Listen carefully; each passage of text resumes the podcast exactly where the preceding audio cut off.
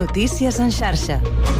Bona tarda, són les 4 per la Marc Ventura. Sumar i Partit Socialista han acordat accelerar les negociacions per poder presentar un programa de govern aquest mateix octubre. Aquest matí s'han reunit els líders dels dos partits, Yolanda Díaz i Pedro Sánchez. En un bon clima han constatat que encara hi ha qüestions que els separen, com la reducció de la jornada laboral, però han afirmat que l'únic escenari que es contempla és un acord per a un nou govern de coalició, però no qualsevol govern. Tant el portaveu de Sumar, Nacho Álvarez, com la dels socialistes, Pilar Alegría, han destacat el desig d'arribar a un acord el més aviat possible. En materia de reducción de la jornada laboral, tenemos que tener un nuevo estatuto del trabajo del siglo XXI que regule el despido, impulsar la conciliación en este país y hacerlo con permisos que sean retribuidos. Tenemos que garantizar y reforzar el derecho de acceso a una vivienda y estas son materias que están pendientes en la negociación. En esta reunión hemos acordado avanzar, acelerar los trabajos para que durante este mes ya de octubre poder tener ya ese programa político de gobierno progresista. El PSOE ha fet pública aquest eh, dimecres la creació d'una comissió negociadora que s'encarregarà dels contactes amb els grups parlamentaris del Congrés per la investidura de Pedro Sánchez. De fet, el líder socialista i el primer secretari del PSC, Salvador Illa, es reuniran aquesta tarda a la seu de Madrid, ja que, com han comunicat avui, Illa estarà en contacte permanent amb el Pedro Sánchez sobre l'agenda catalana vinculada a la negociació de la investidura. Notícia de fa ben pocs minuts, l'Audiència Nacional reobre una peça del cas 3% que investigava diversos càrrecs de Convergència Democràtica de Catalunya, com els exconsellers Jordi Jané, Felip Puig, Irene Rigau, Germà Gordó i també els extresorers Daniel Osàcar i Andreu Viloca per donacions al partit amb la suposada finalitat de finançar il·lícitament la formació. El magistrat va arxivar la peça al juny, però la Fiscalia va presentar-hi recurs en en contra i ara la sala penal li ha donat la raó. La investigació, recordem, es tracta de si als anys 2009 i 2010 els alts càrrecs del partit feien transferències a Convergència i eren retribuïts amb diners en metàl·lic procedents de suposades donacions eh, corruptes d'empreses adjudicatàries de la Generalitat. I un últim apunt en els esports, perquè Marc Márquez, també és una notícia d'última hora, Marc Márquez i Honda han trencat el contracte vigent i el pilot català canviarà de moto la propera temporada. Després d'haver aconseguit sis campionats amb la marca japonesa, les últimes temporades no acabava de carburar. Notícies en xarxa. 4 i 3 minuts. Comença el Connectats.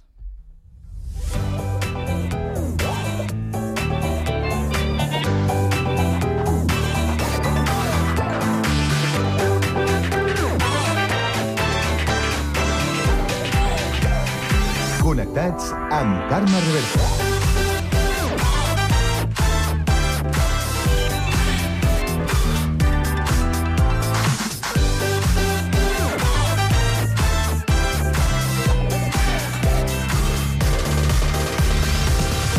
Molt bona tarda, salutacions i benvinguts un dia més al magazín de tarda de la xarxa, al Connectats de l'àrea metropolitana de Barcelona, que fem en Ràdio Sant Cugat, Ràdio Sabadell, la Ràdio Municipal de Terrassa, el Prat, Ràdio, Ràdio Ciutat de Badalona i Ràdio Castellà. Una salutació de tot l'equip, conduït a la part tècnica per Pablo Palenzuela, Jessica Rius de la producció, i d'aquí us parla Carme Reverte. Avui és dimecres 4 d'octubre i volem saber quin temps ens espera aquesta tarda. Lluís Mi Pérez. Bon dia, situació que continua sent molt tranquil·la, molt estancada i ja amb pitjor visibilitat, per tant, també una mica més de contaminació a gran part de Catalunya al llarg d'aquestes immediates hores amb alguns núvols que no s'acabaran de desfer de les muntanyes tarragonines i sobretot al voltant de les comarques gironines, amb alguna gotellada molt dispersa al llarg d'aquesta tarda entre el Ripollès, el nord d'Osona i també la Garrotxa. La temperatura fins i tot puja respecte a ahir a les comarques metropolitanes de Barcelona, al voltant dels 28-29 graus, i és que aquesta tarda bufarà el vent de Garbí rascalfat. Aquest vent de Garbí bastant tossut a la costa barcelonina. En vista demà despertarem amb boira cap a la Catalunya central, també a les valls del Pirineu. Aquestes nuvolades aniran desfent i, per tant, el dijous acabarà sent tranquil i acabarà sent encara més càlid que avui, sobretot a les comarques de Ponent. Us seguirem a la xarxa.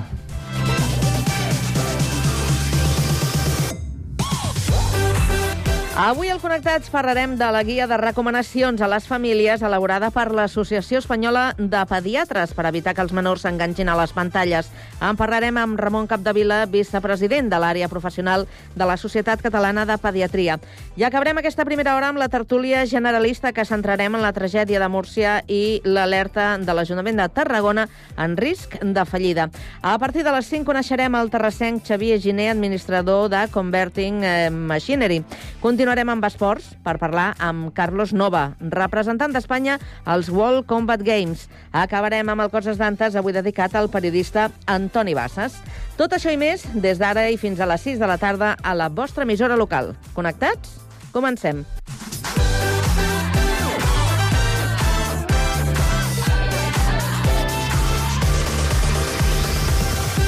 Connectats amb Carme Reverte.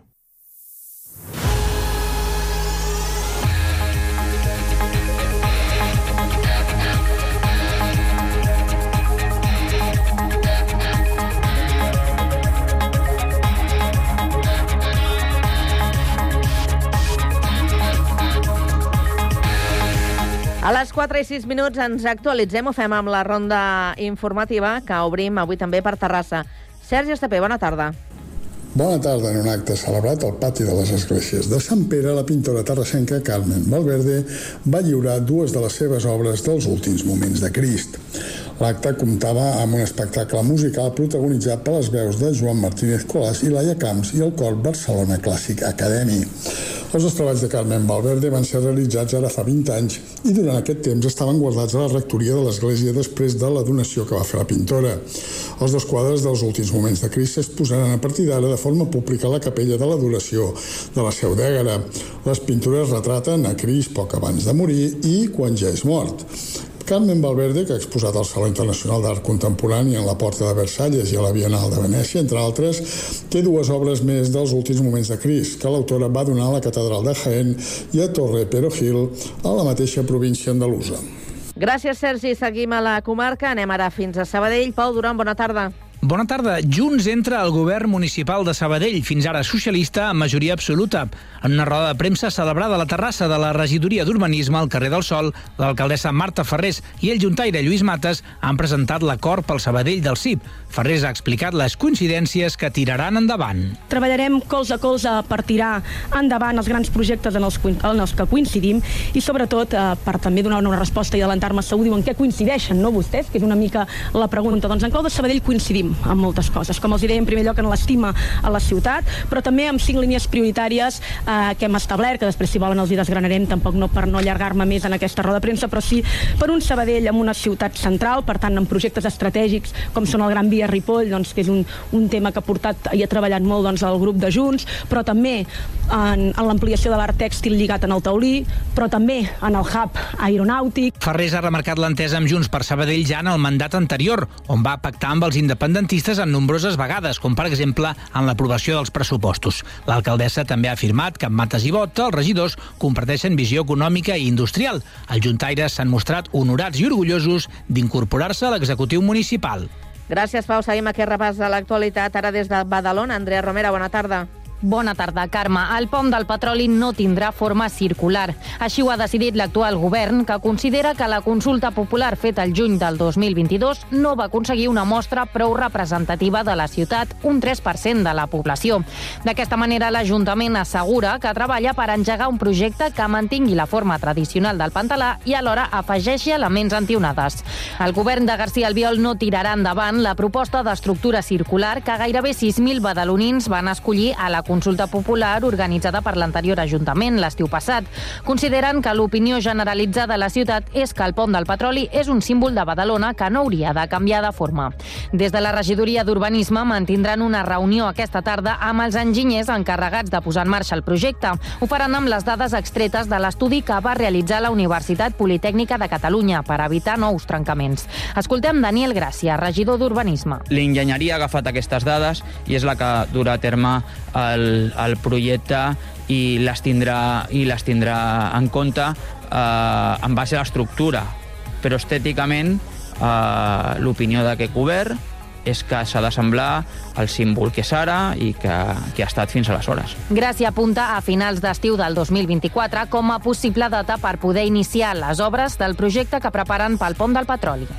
Gràcies, Andrea. Seguim al litoral, ara una mica més al sud, al Prat de Llobregat. Víctor Asensio, bona tarda. Bona tarda. Aquesta tarda es col·locarà la primera pedra de l'edifici de lloguer de la Cooperativa Obrera de Viviendes que construirà i gestionarà en un solar cedit per l'Ajuntament a l'Avinguda 11 de setembre. En total s'hi invertiran més de 17 milions d'euros en aquest projecte amb l'objectiu de donar resposta al problema de l'habitatge que viuen les noves generacions. Ho explica el president de la Cooperativa Obrera de Viviendes, Antonio Pedrero. Va començar amb una previsió pressupostària de 12 milions 400.000 i al final hem acabat anant 17 milions 600.000.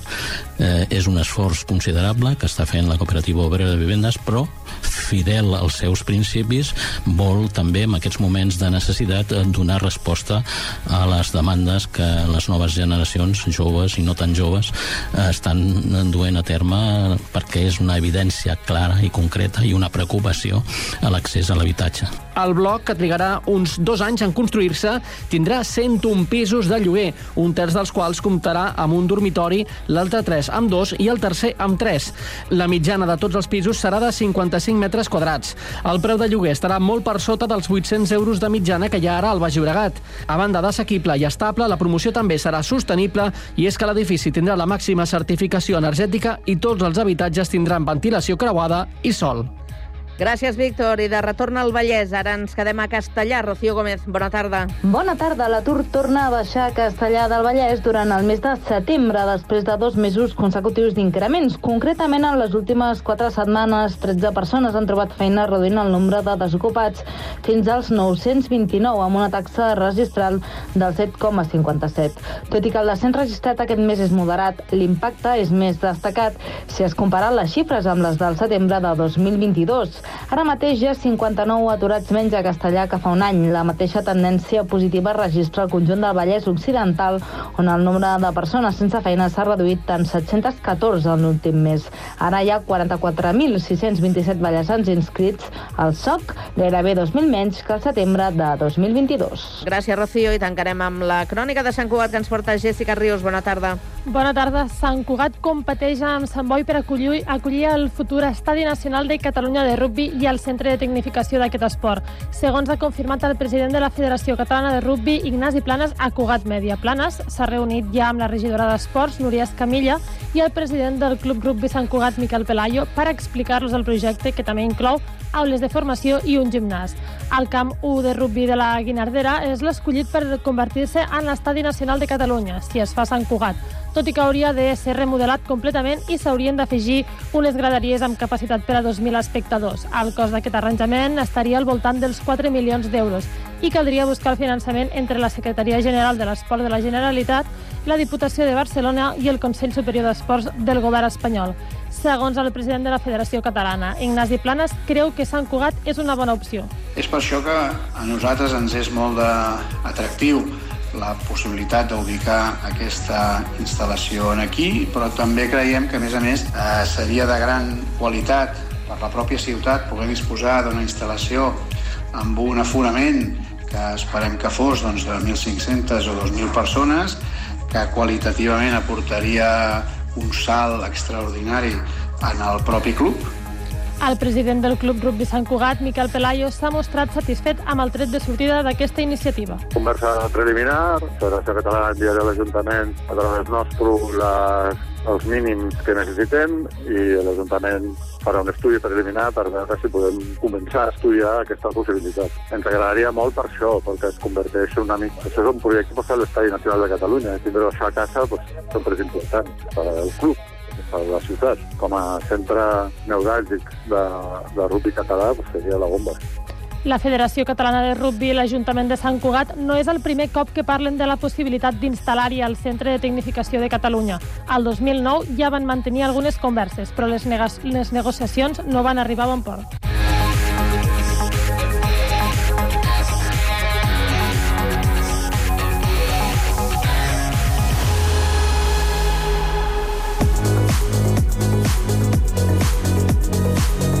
Tarda, de 4 a 6, connectats. una experiència radiofònica a Sabadell, Terrassa, Sant Cugat, Castellà, El Prat i Badalona.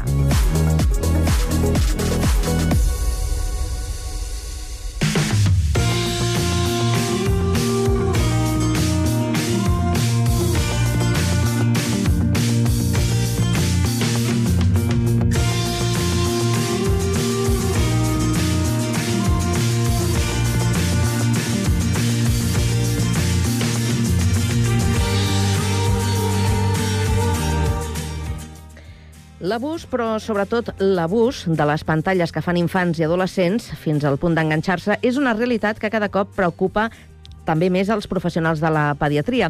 Per aquesta raó, l'Associació Espanyola de Pediatria ha elaborat una guia de recomanacions per a les famílies. Ens acompanya Ramon Capdevila, que és vicepresident de l'àrea professional de la Societat Catalana de Pediatria. Molt bona tarda, Ramon.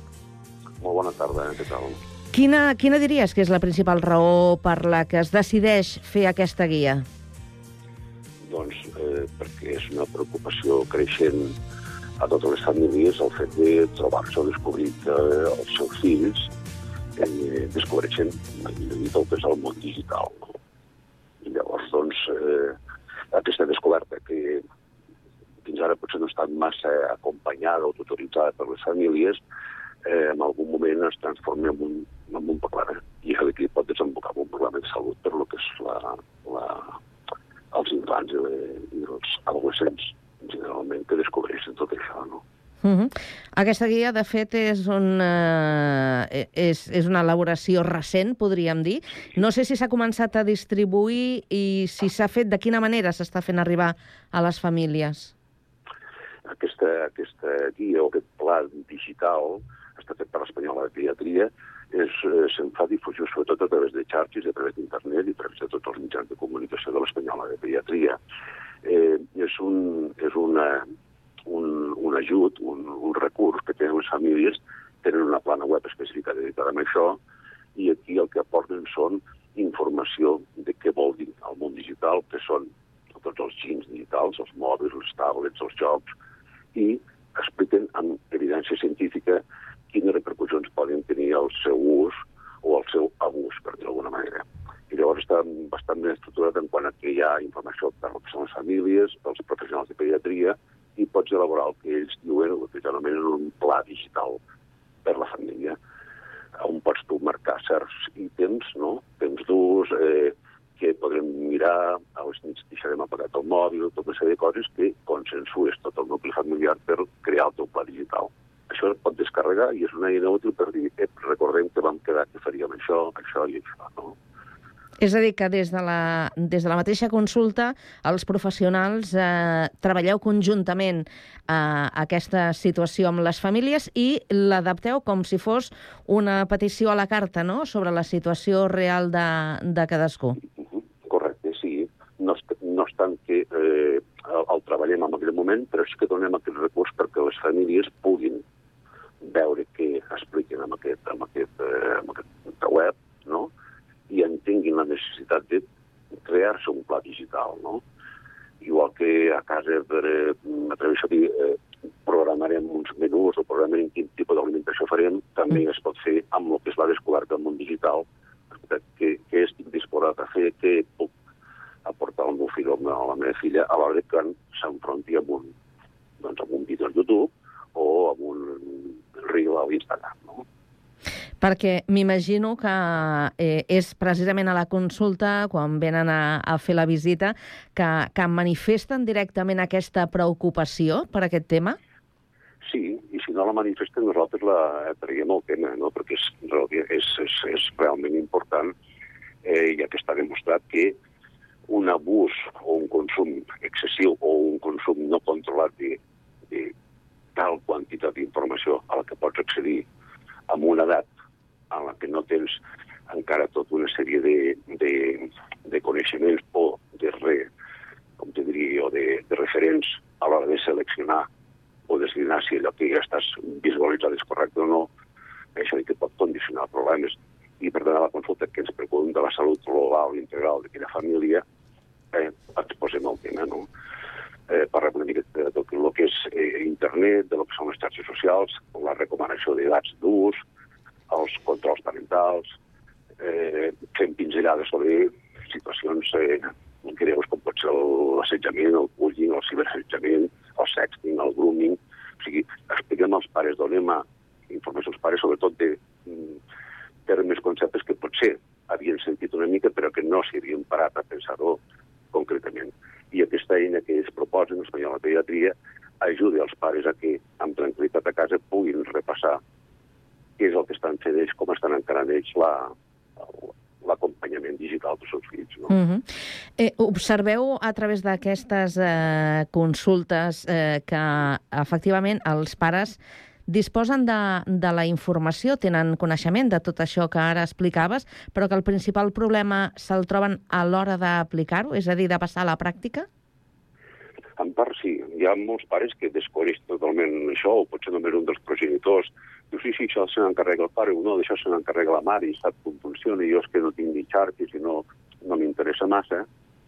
Eh, però els fem veure aquesta necessitat de, de l'acompanyament, no? Eh, no, no té sentit que eh, perquè toqui per edat, perquè estem al primer de l'ESO, ja tenim 12 anys, eh, tothom té el mòbil, jo també li faig per el mòbil al meu fill o filla, sense haver pensat què implica això, no?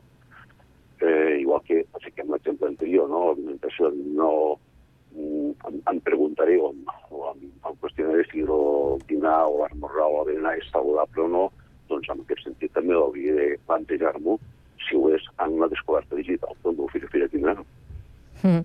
Estem parlant de, de menors d'edat, de, infants, adolescents, que disposen d'algun dispositiu en pantalla i, i ho fan cada vegada a edats més primerenques.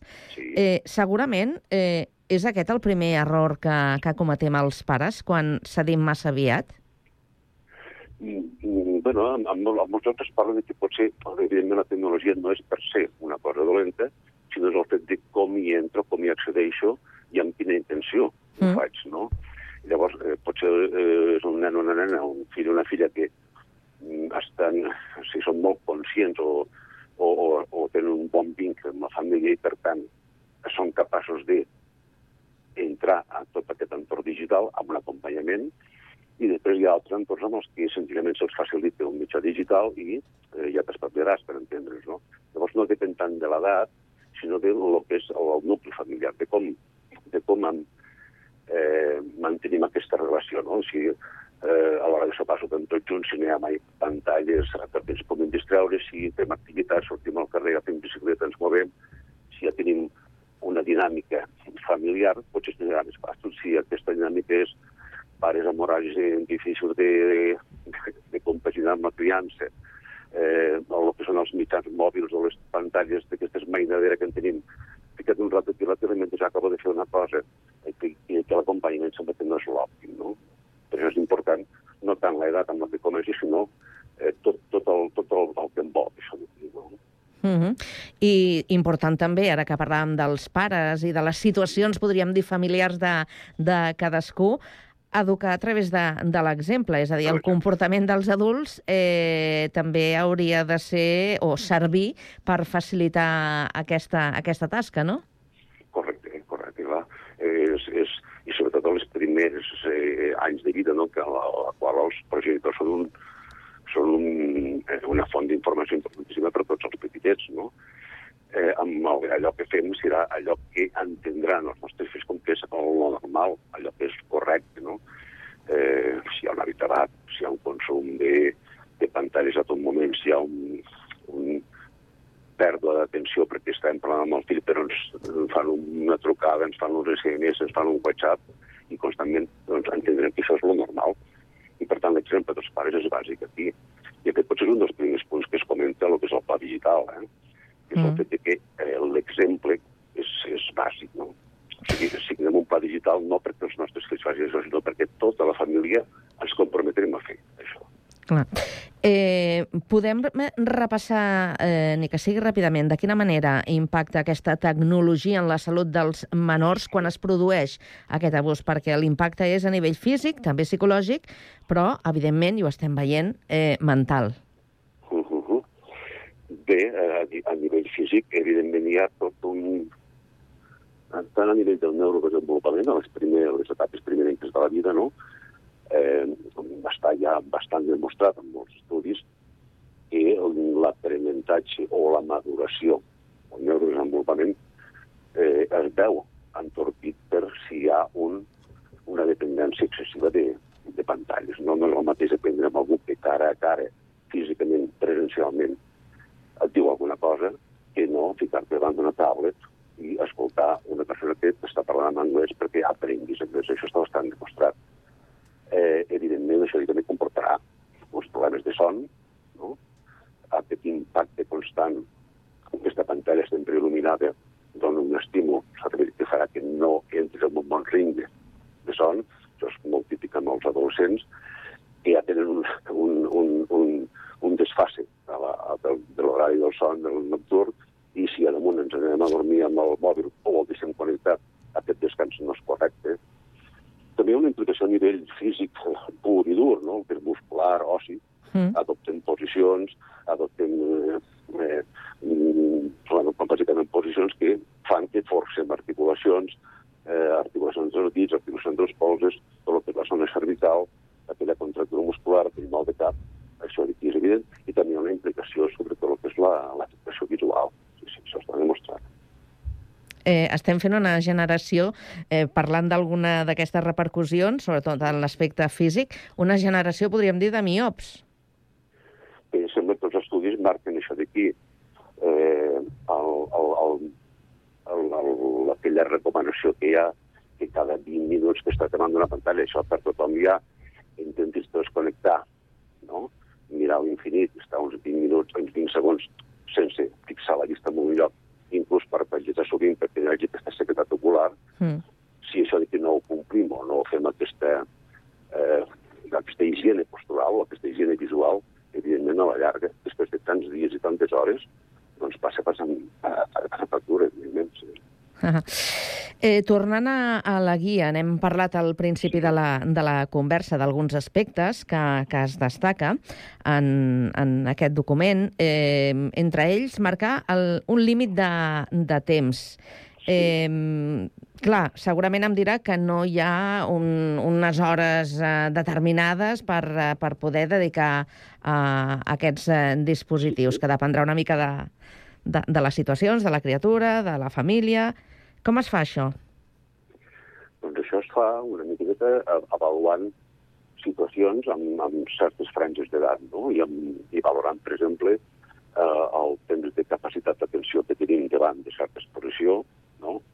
eh, el temps, eh, perdó, el, el que seria l'adquisició de coneixements, i s'ha vist clarament que quan passem més de certs minuts o certes hores davant de eh, una pantalla, una pantalla volem dir televisió, volem dir tablet, volem dir el mòbil, volem dir la, o, o la instal·lació de, de joc, la Play, la, la Nintendo, per entendre'ns, tot això d'aquí hi ha diferències estadísticament significatives entre grups que passen menys hores i grups que passen més hores. No? Això és difícil a vegades de fer, extrapolar-ho cap a les edats més petites, i com que no hi ha una evidència clara, però veient com afecta les edats més grans, esperem sempre el principi precaució de dir 0, 2, 0, 3 anys, no hi hauria d'haver-hi pantalles. La pantalla serà molt puntual, no? que és la típica trucada familiar perquè veiem els, la família, però no perquè el tinguem entretingut al nen o la nena, el lactant al bebè, no? Estos cotxes que porten el, el suport per enganxar la pantalla perquè estem entretinguts, que estem fent un, un, un aperitiu, un refrigeri, això no té cap sentit. No, no. Mm -hmm. I respecte de les zones de... lliures de pantalles, és a dir, eh, en el domicili i fora del domicili, establir quines són eh, aquelles, eh, aquelles zones on doncs, eh, no hauríem de, de tenir les pantalles. Per exemple, a casa, quina zona, quina zona recomanen que s'estableixi com, a, com una zona lliure de pantalles? Lliure de pantalles eh, doncs, tots aquells espais en els que siguin eh, de comunitaris i que en aquell moment es faci una, una activitat comunitària, el que siguin els àpats. Importantíssim que en aquell moment no hi hagi cap pantalla que interrompi o que interfereixi el que és el diàleg, no? a l'explicar què has fet avui, què ha passat avui, com t'ha anat, com et trobes, què, què tal està el dinar, com, com han fet, com l'han cuinat, no? eh, aquest entorn, que no està en un, un espai concret, sinó que eh, en aquests moments no hi hauria de pantalles. I l'altre molt important, evidentment, és lo- l'espai de dormir, l'habitació de dormir, que aquí hauria d'haver-hi una, una limitació total de la pantalla per afavorir que quan són inclús durant la prim, una hora i mitja, dues hores abans d'anar a dormir, no hi, havia, no hi hauria d'haver hagut una exposició a pantalles, perquè això que retarda molt el que és l'entrada d'una fase bona de son. Mm. I una altra de les qüestions, eh, recomaneu revisar els continguts periòdicament. Això aquí podem entrar en conflictes, no?, segons l'edat de, de, del fill o la De filla. l'usuari, correcte. Uh -huh. Bé, revisar els continguts vol dir fiscalitzar, clar, és una paraula com a bastant dura i lletja, Uh -huh. però tot depèn del que tu hagis acordat amb aquest pla digital. O no cal que facis un pla digital si, si encares aquesta descoberta del món, del món digital com una oportunitat per encara eh, aferrar-te més, diguem, més íntim amb, el- amb el teu fill o filla, i llavors eh, potser no tindràs la necessitat de fer aquesta fiscalització. Senzillament un interès que estàs mirant, que veus, que és cantant, perquè segueixes amb aquesta gent, aquest, aquest influencer, què vol dir influencer? O sigui, el fet de crear aquest diàleg pares-fills afavorirà que pot ser el teu fill o la teva filla espontàniament et digui, mira, mira ara, o aquesta sèrie de Netflix m'ha agradat, o l'han comentat a classe, et sembla que la podríem veure? A mi també m'interessaria veure que la puc veure amb tu. O sigui, crear aquest clima de realment confiança, no? Si ens dediquem des del primer dia, bueno, tens el mòbil, però que sàpigues que hem instal·lat un control parental i de tal hora a tal hora no, i quan s'acabarà no vinguis a dir... Mm, són maneres de fer-ho. Evidentment, la manera millor seria aquesta d'intentar eh, entendre que disposem d'una eina que l'hem de saber utilitzar, igual que tenim una bicicleta i ens ficarem un casc, o si fem un esport que s'arrisca, ens ficarem certes proteccions, o si tenim el cotxe, ens ficarem el cinturó de seguretat, si naveguem, si hem d'anar al mòbil, hem d'entendre que tot allò que ens pot aparèixer allà una repercussió, i per tant els pares són la nostra principal font de protecció, no? Doncs eh, Ramon Capdevila, vicepresident de l'àrea professional de la Societat Catalana de Pediatria. Esperem en sortir-nos i, si més no, doncs millorar aquesta situació. Moltíssimes gràcies per passar aquesta tarda pel Connectats. Moltíssimes gràcies a vosaltres. I m'agradaria, si us puc dir una última cosa, sí? justament des de la Societat Catalana de Pediatria, el dia 25 de novembre Mm. d'aquest any, tot el matí de 9 a 2 fem una jornada que en diem multidisciplinar, que fem cada any una, i aquest any la dediquem justament a la salut digital en pediatria. És una jornada oberta a tothom, d'aquí poc ens sortirà la, la, la publicitat, en farem difusió. Jo crec que per tothom que vulgui vindre és un, una taula rodona en la qual s'abordaran tots aquests temes que hem estat parlant ara. On la fareu? Aquí a, la, a Barcelona, a l'Acadèmia de Ciències Mèdiques, aquí a la Can Caralleu, i és Mhm. el dissabte, dia 25 de novembre. Molt bé, doncs eh, agraïts eh, per haver atès eh, la nostra trucada i haver participat avui al programa. Que vagi molt bé, bona tarda. Bona tarda, adéu, gràcies.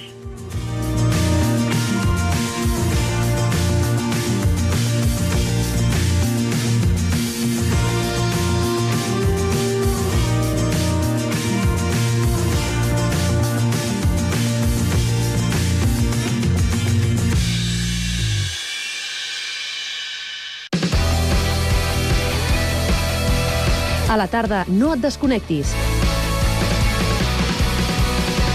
Connectats.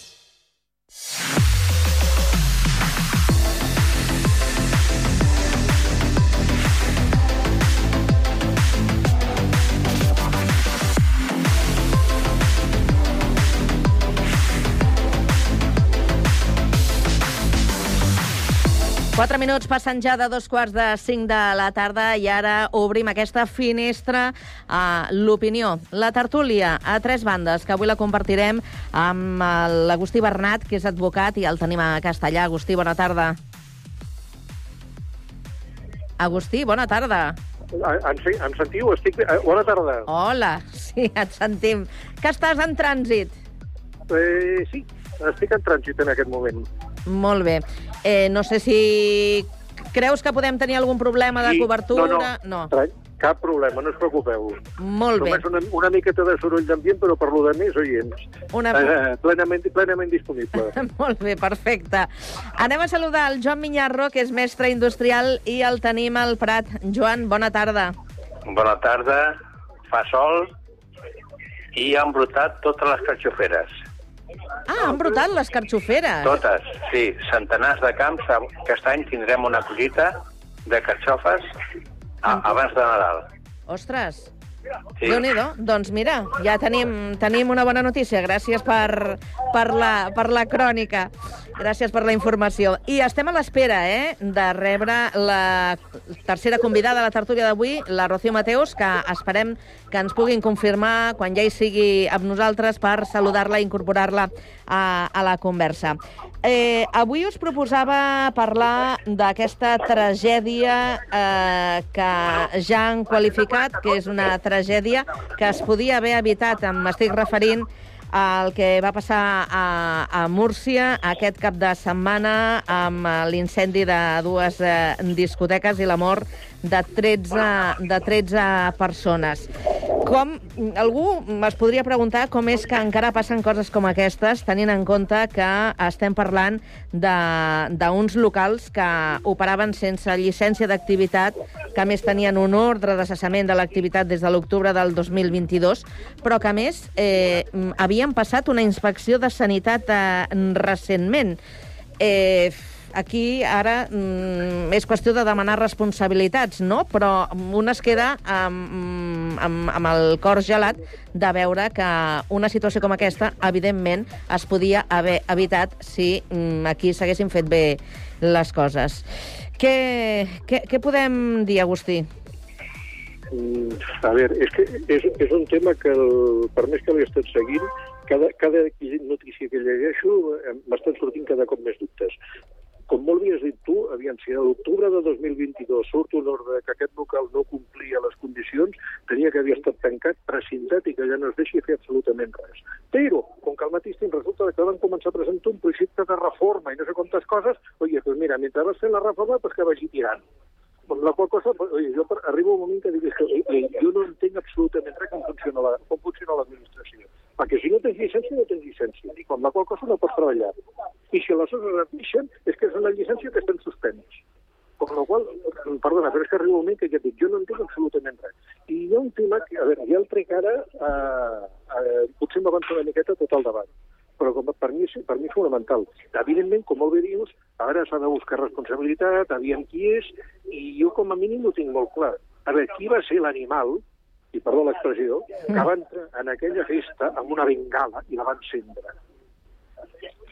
Sí, Perquè, sí. clar, després és molt fàcil començar a dir que el local no tenia llicència, no sé què, no, no. Vale, d'acord, molt bé, la festa no es tenia que haver fet.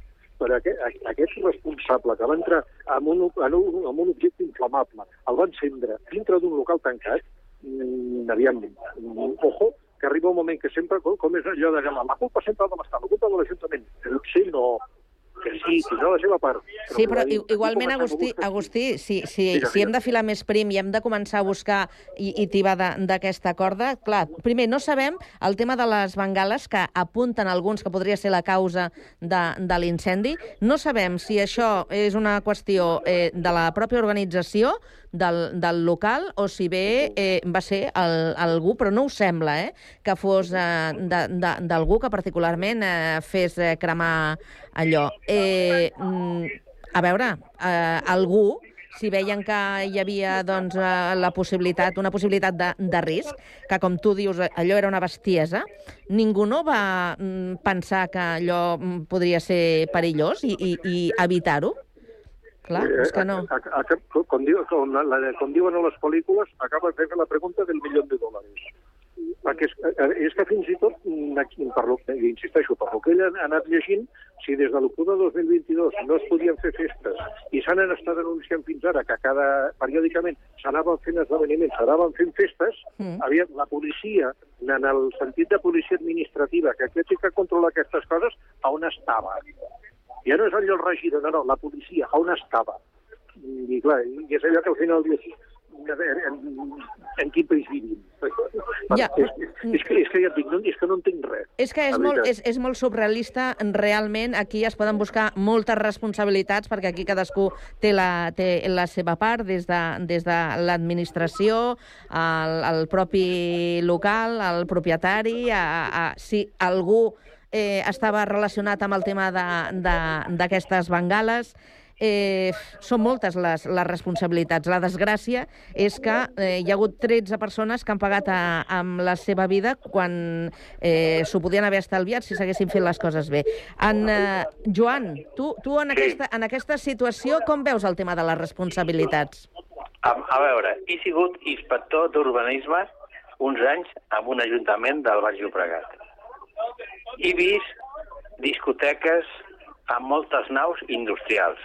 Naus que no estan preparades per discoteques, amb taulada d'uralita, en fi, no són llocs per discoteques. I n'hi han, actualment n'hi han. No compleixen amb quasi res. I tenen un, moltes tenen un permís a precari i que els han de modificar cada dos, dos anys perquè, perquè l'assumpte és molt delicat. Jo he fet informes i hem tancat més d'una discoteca, perquè és molt fàcil. Tu envies un informe desfavorable, dones 20 dies de temps i si no compleixen, vas amb la policia, poses tot una cinta de O, o plàstic, precintes, sí. ho, ho precintes, Uh -huh. i, i l'endemà tens els propietaris a l'Ajuntament plorant. Pues bueno, pues, que, que plorin, si, si és molt senzill. I insisteixo, a sobre, la meitat del personal no estan donats d'alta a la Seguretat Social. Jo he vist arribar un inspector a les dues del matí i dir, qui és parat? Tothom parat. Els de, de darrere de la, la barra que es posin aquí a la dreta. I la meitat de camarers no tenien Seguretat Social. Clar, a veure, tampoc Però no... A, a veure, eh, entenem, eh, la- l'explicació que, que dones. Tampoc no, no criminali criminalitzarem No, a, a tot no, el sector de, de l'oci, no, perquè però- segur que hi ha però- molta gent que, que ho fa en condicions, que ho fa correctament. Sí, sí però, però què pinta una discoteca amb un polígon industrial, amb una nau industrial? Ja és, és sospitós, ja. Home, si està, En ben, quan- si està ben acondicionat no, no hi ha d'haver cap problema. No, si tot clar, està, tot està en, és en ordre. no. Mm. En aquest cas, qui és el responsable d'aquest incident tan lamentable? Ja. Jo tinc que pensar que són les autoritats municipals per no haver tancat aquestes discoteques. Val. Per què no les han tancat? Jo, mira, tinc una pregunta pel, per l'Agustí. Si, com apunta el Joan, el responsable primer és l'Ajuntament, eh, com és que es persona com a acusació particular? Pues, pues mira, una miqueta... Eh, per com... A, a veure... A, a, És per entendre-ho, és que no... no intenta, intentaré fer servir unes paraules per, no- per no ofendre ningú. És una miqueta com es fan les coses d'Ebro per abajo. A veure, és que mm. tot, tot, tot el que ha explicat el Joan és que, això, vam, eh, eh, és que és de llibre. Si un local no reuneix les condicions, perdona, precintat, i quan estigui arreglat, aleshores t'aixeco el precinte. Però jo mateix havia, ting havia tingut algun cas, temes que ara no, no són del cas, que no complia la normativa, tancat, i quan les zones les han complert, han tret el precinte. Aleshores, que et trobis en la, en la situació aquesta, mm, perdona, és que és, és que és incomprensible. A partir d'aquí, que em vinguin amb la història de que no, és que no podia, però després li va fer un permís eh, provisional, és que, a més a més, amb la informació que tenim, tampoc ho sabem. O sigui que, la, la veritat, estem, estem començant a donar, pels de sec. Per una... No sé, jo, jo ja, aquí distingiria jo, jo dues responsabilitats. Una, el fet en si, sí. independentment si les bengales, el que sigui, tant tot però que allò es va, es va calar foc per alguna cosa, doncs això s'ha d'investigar. I després, per l'altra banda, si resulta que era un local que no reuneix les condicions, i tot i així s'ha estat deixant, a algú està fent les coses molt malament. Em dona igual si era un regidor, si era un enginyer, qui fos. És, és, que, és, és que és intolerable, això. És intolerable. Doncs efectivament encara s'està eh, investigant, no s'han apuntat a enclarat les, les causes de, de l'incendi i bé, avui doncs hem volgut a... Sí, ja tenim a la, tenim a la Rocío. Ah, que bé, mira. Rocío, bona tarda. Bona tarda, un problema de transporte público. Vaja, no, Rodalies no, no? No, no. Val. Doncs, eh, eh, mira, estem, estem parlant d'aquesta tragèdia de, de Múrcia sí, i parlant de les sí. responsabilitats eh, d'uns i altres. Eh, no sé si estàs a, al cas, eh, si, ens, eh, si vols compartir la teva opinió. Sí, bueno, mm, es que es lo que decimos siempre, ¿no? Las vidas son irrecuperables. Entonces, eh, Claro que hay, hay que cubrir, o sea, las, la, quien tenga la responsabilidad tiene que pagar por ello, evidentemente, pero lo que hablamos siempre, ¿no? Ante estas desgracias que ya han ocurrido en otras discotecas o en otros centros de ocio, eh, no, las vidas son irrecuperables. Entonces, si ya no estaba el permiso concedido, si luego se volvió a dar sin que reuniera todos eh, los acondicionamientos, pues todo esto luego, ¿quién lo sufre? Y, y es, es, eso, o sea, todo se ve, esto no estaba bien, esto había que haberlo evitado, pero cuando ya se han, se han, ocasionado muchísimas muertes y cada muerte detrás de ella tiene muchísimas personas. ¿eh? O sea, cuando decimos una cifra, olvidamos que detrás de una muerte hay muchísimas familias detrás mm. de cada una. ¿eh? Entonces es, es un drama mmm, que a veces es evitable y otras veces pues las responsabilidades eh, no se cubren al 100%, jamás, jamás se puede cubrir una responsabilidad de estas por mucho que se tenga, se cumpla una cárcel, unos años de cárcel o un, una indemnización, esto no se puede cubrir nunca, jamás, ¿eh? Ja, ja. Eh, si us sembla, passem a, al segon tema que teníem previst eh, per avui, que té a veure amb la gestió municipal, amb l'economia de, dels, dels pobles, de les nostres ciutats, i tenim com a exemple el cas de Tarragona, que ja han anunciat que està en risc de fallida. Li falten 14 milions per mantenir els eh, serveis eh, bàsics essencials. El tema és, quan un ajuntament es troba en una situació com, com aquesta, quines són les solucions que eh, poden aplicar els polítics? Eh, sembla que a la mateixa roda de premsa els periodistes que, que van assistir van preguntar si eh, la línia de les solucions anava per augmentar impostos i taxes o, o per abaixar salaris, inclosos els regidors, o principalment regidors i, i, i alcalde. Què, què passa quan algú que té una responsabilitat com la gestió de la seva ciutat es troba amb, amb aquesta situació que vulgarment diríem que és un marrón, eh? És un marrón important. Eh, Rocío, vols, vols començar tu? Pues sí, es un marrón, es, es, cierto, ¿no? Pero claro, hay que dar eh, salida, hay que dar salida de alguna manera, porque mm, cuando hay falta de ingresos, quien, volvemos a repetir, ¿no? Quien más lo sufre, pues es todo donde hay que cubrir más, ¿no? Como serían pues los servicios sociales, eh, toda la atención pública, todo lo que es bibliotecas, colegios públicos, seguridad, eh, transporte, o sea, todo, todo lo que hace, dijéramos, el sostén de, de, de las ciudades, se merma, ¿no? Porque todo parte de un ayuntamiento, que son todos los servicios públicos, ¿no? Claro, mmm, ¿Qué, ¿Qué, sucede aquí? Pues que aquí tiene que haber un compromiso de todo el consistorio, evidentemente, pero de todo el consistorio si no se toca el bolsillo de los vecinos, dijéramos en palabras coloquiales, ¿no? Porque claro, tú subes los impuestos y como estamos viviendo actualmente cualquiera de nosotros, ¿no? Con la subida de los alimentos, con todo lo que arrastramos desde el COVID, eh, todo esto, ¿no?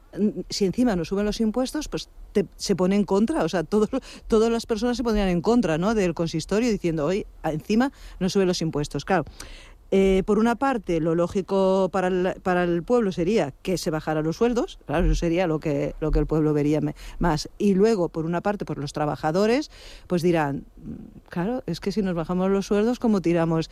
Eh, sí, tocamos a 5 euros la hora, no? Però, clar, si s'han de prendre calcular... decisions perquè alguna cosa s'ha de fer, no? Exactamente, pero entonces ante, ante el riesgo, pues es todo el, consist, el consistorio el que tiene que decidirlo, ¿no? Y si se tienen que bajar un poco los sueldos o se tiene que... Eh, un intermedio, ¿no? De decir, pues ni perdemos uno ni perdemos los otros, pero evidentemente hay que solucionar porque si no, siempre pierde el más débil. Siempre, siempre. Mm. El, que, el que menos soporte tiene es el que más pierde, porque son servicios públicos. Sí, sí. Joan, vinga, a veure, la teva experiència què et diu? A cada ajuntament hi ha un funcionari que es diu interventor, que no és amic de ningú i que ve de la carrera estatal. Sí. Aquest tècnic controla que quan hi ha una... si s'ha de donar diners a una societat o s'ha de donar diners per la nòmina de l'Ajuntament, certifica que hi ha fons per, per fer-ho si l'interventor no signa, no es poden ni ampliar les nòmines ni donar subvencions a la colla castellera, ni res de res. Mm. No, es Però, pot, no es pot però arribar a el, un límit. el de- govern, és a dir, el, els polítics que tenen la responsabilitat de gestionar tot això, quines solucions eh, mm, poden optar? No, no, no, no, la responsabilitat no és dels polítics, és de l'interventor. Si l'interventor no, no signa aquella quantitat, no es pot donar. I, I el polític, malauradament, no entén massa de règim interior municipal. Però si estaven, si estaven parlant, per exemple, d'augmentar les taxes o els impostos, no és l'interventor qui ho fa. No, a, a, això és del ple municipal, Clar. sí. Però, però els, els ajuntaments, un cop a l'any, fan els números i fan un, aproven un pressupost. Sí. I, I han de comptar amb les entrades i amb les sortides. És, és, és a dir, si els hi falta calés, és que són una mica inútils. No han fet bé els pressupostos. És, és així. Ara, com ho arreglen? Doncs pues demanant un crèdit al banc. Clar, Endeutant-se, encara més. endeutant-se. I Mm. tant. Sí, sí, perquè baixar els sous dels polítics ni hablar del peluquín. Ah. No? A, això Bueno, és que quería a ti t'agrada. hacer...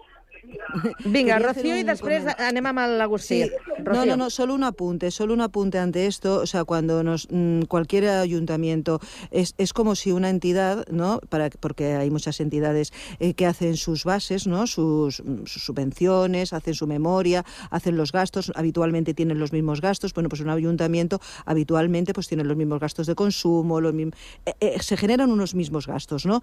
Claro, si todo ha aumentado, porque es que tenemos que ver lo que arrastramos del COVID, lo que arrastra, lo- las subidas de la energía, los intereses, o sea, Claro, se tiene que gestionar bien, evidentemente, pero a veces hay cosas externas que te rompen tu mm, cómo has gestionado, ¿no? Cómo has hecho la gestión y te vienen unos gastos que tú tampoco controlabas. Como también nos viene a cada uno de nuestras casas, ¿eh? Nosotros, eh, cualquiera de nosotros, eh, si hacemos un balance de lo que gastábamos al año en el 2018, por decir algo, es impensable a lo que gastamos en el 2023. O sea, tendríamos que volver a, a trabajar mucho, don- hacer el- gasto ¿no? que conlleva eh, cualquier casa de hoy a- en estos tres años. ¿no? Bueno, pues puede ser que sí, evidentemente.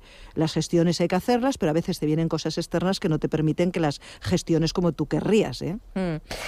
Agustí, Doncs mira, agafo una miqueta la síntesi del que heu dit tots. O sigui, per una banda, el Joan ha insistit molt de que aquí hi ha un senyor que es diu interventor, que aleshores, si li han colat tota aquesta, aquesta quantitat de vols, hauria de començar a conjugar aquell verb que es diu dimitir perquè té la, té la marinera. Perquè hi ha una notícia que, bueno, he, he llegit una miqueta sobre el tema, i clar, hi ha una notícia que ha corregut por ahí que diu, clar, és que tot això ve ja dels temps del Joan Miquel Nadal, que ja fa uns quants anys que va deixar-se el alcalde. Sí. Sí. sí, però és que van una miqueta més del fi. També ve del, del, de l'amic Requesens. O sigui, des de l'any 79 resulta que s'està engreixant aquest problema. Hi ha patatara.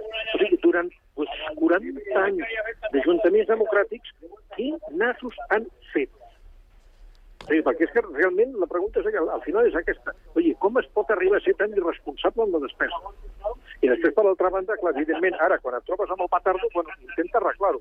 A partir d'aquí, doncs, t'endeutaràs amb bancs, t'endeutaràs amb l'Estat, t'endeutaràs amb la Generalitat, ja buscarem la solució. Però, clar, a partir d'aquí no ha de tornar a passar. I què vol dir? Una, un, un, un pressupost ha de ser equilibrat. Si ingresso tant, gasto tant, no puc gastar més perquè no tinc, no tinc prou ingressos. Amb la qual cosa s'han de començar a retallar despeses i, i em crida moltíssim l'atenció. S'ha començat a parlar que si de la dependència, que si de la gent gran, que si de les biblioteques, i ningú parla de sous, ningú parla de càrrecs de confiança. Ningú parla d'organismes que podrien ser prescindibles.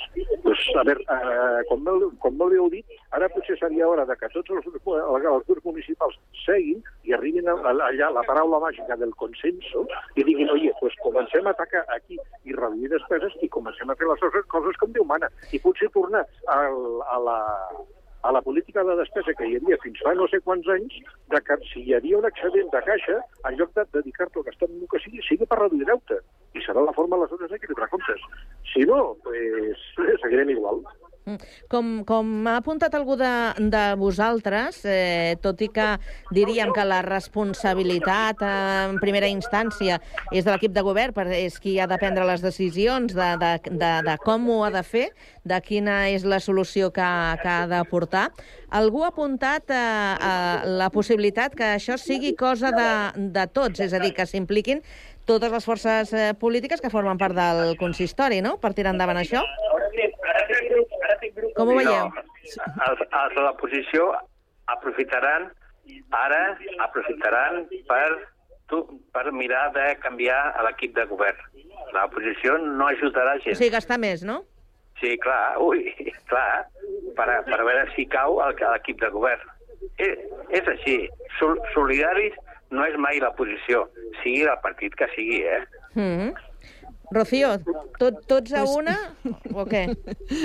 Cla- Bueno, claro, cuando se intenta de solucionar las cosas tendría que ser, ¿no? Tendría que haber un compromiso de todos y llevarlo hacia adelante y sacar el consistorio hacia adelante y que sobre todo que, que todos los vecinos y vecinas pudieran vivir tranquilos, ¿no? Eso sería lo ideal. Lo que pasa que sí que es cierto, ¿no? A veces sucede que cuando hay un problema, pues ahí está la oposición para, re- para rematar, ¿no? Para decir, ostras, es que esto no lo habéis hecho bien, como ha comentado en todos los, en todos los partidos, sea el que sea. Pero sí que es verdad que cuando hay algo muy serio, cuando hay algo que nos concierne a todos, pues tendría que, existir esa palabra, ¿no? La, la palabra de, de un compromiso de todos y de tirar del carro todos juntos. Eso sería lo ideal, ¿eh? Eso sería lo ideal, como pasa en cualquier eh, acto de nuestra vida, ¿eh? En nuestras familias, en cuando, cuando hay que tirar del carro tenemos que estar todos ahí. Y es como funcionarían bien las cosas, evidentemente. Agustí, vinga, eh, 15 segons. Tots a una o... no, no, es, no es pot afegir res més a el que heu dit. Efectivament, tenen que anar tots amb una. Que el risc de que algú sigui buitre ja, ja sabem que existeix, però això és un problema que tenen tots els habitants de Tarragona, amb la qual cosa tots han d'endemonar, un tots. Els de Tarragona i els que vagin arribant, perquè això doncs, eh, no estem accents que passi. A Sant Cugat s'ha tancat el 2023 amb eh, 25 milions de, de dèficit. I aquí ho deixem. Senyors i senyora, moltíssimes gràcies. Que acabeu de passar molt bona tarda. Gràcies a tots. Moltes gràcies. Adéu-siau.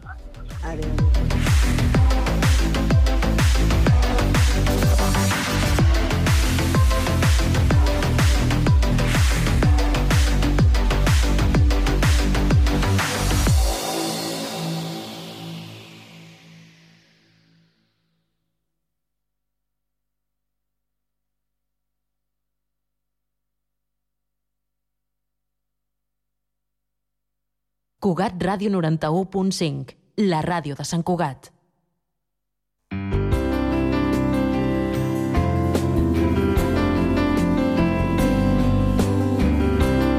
A Ràdio Sant Cugat gaudim de la música.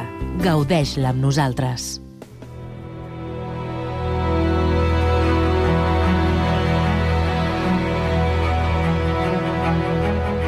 You don't know me, I don't. That's what we tell ourselves inside of our little heads. We could never love again. You don't know me, I don't know you. That's what it's gonna be if you let yourself get in the way of what the child inside you says. And if you had another bad romance, give it another go.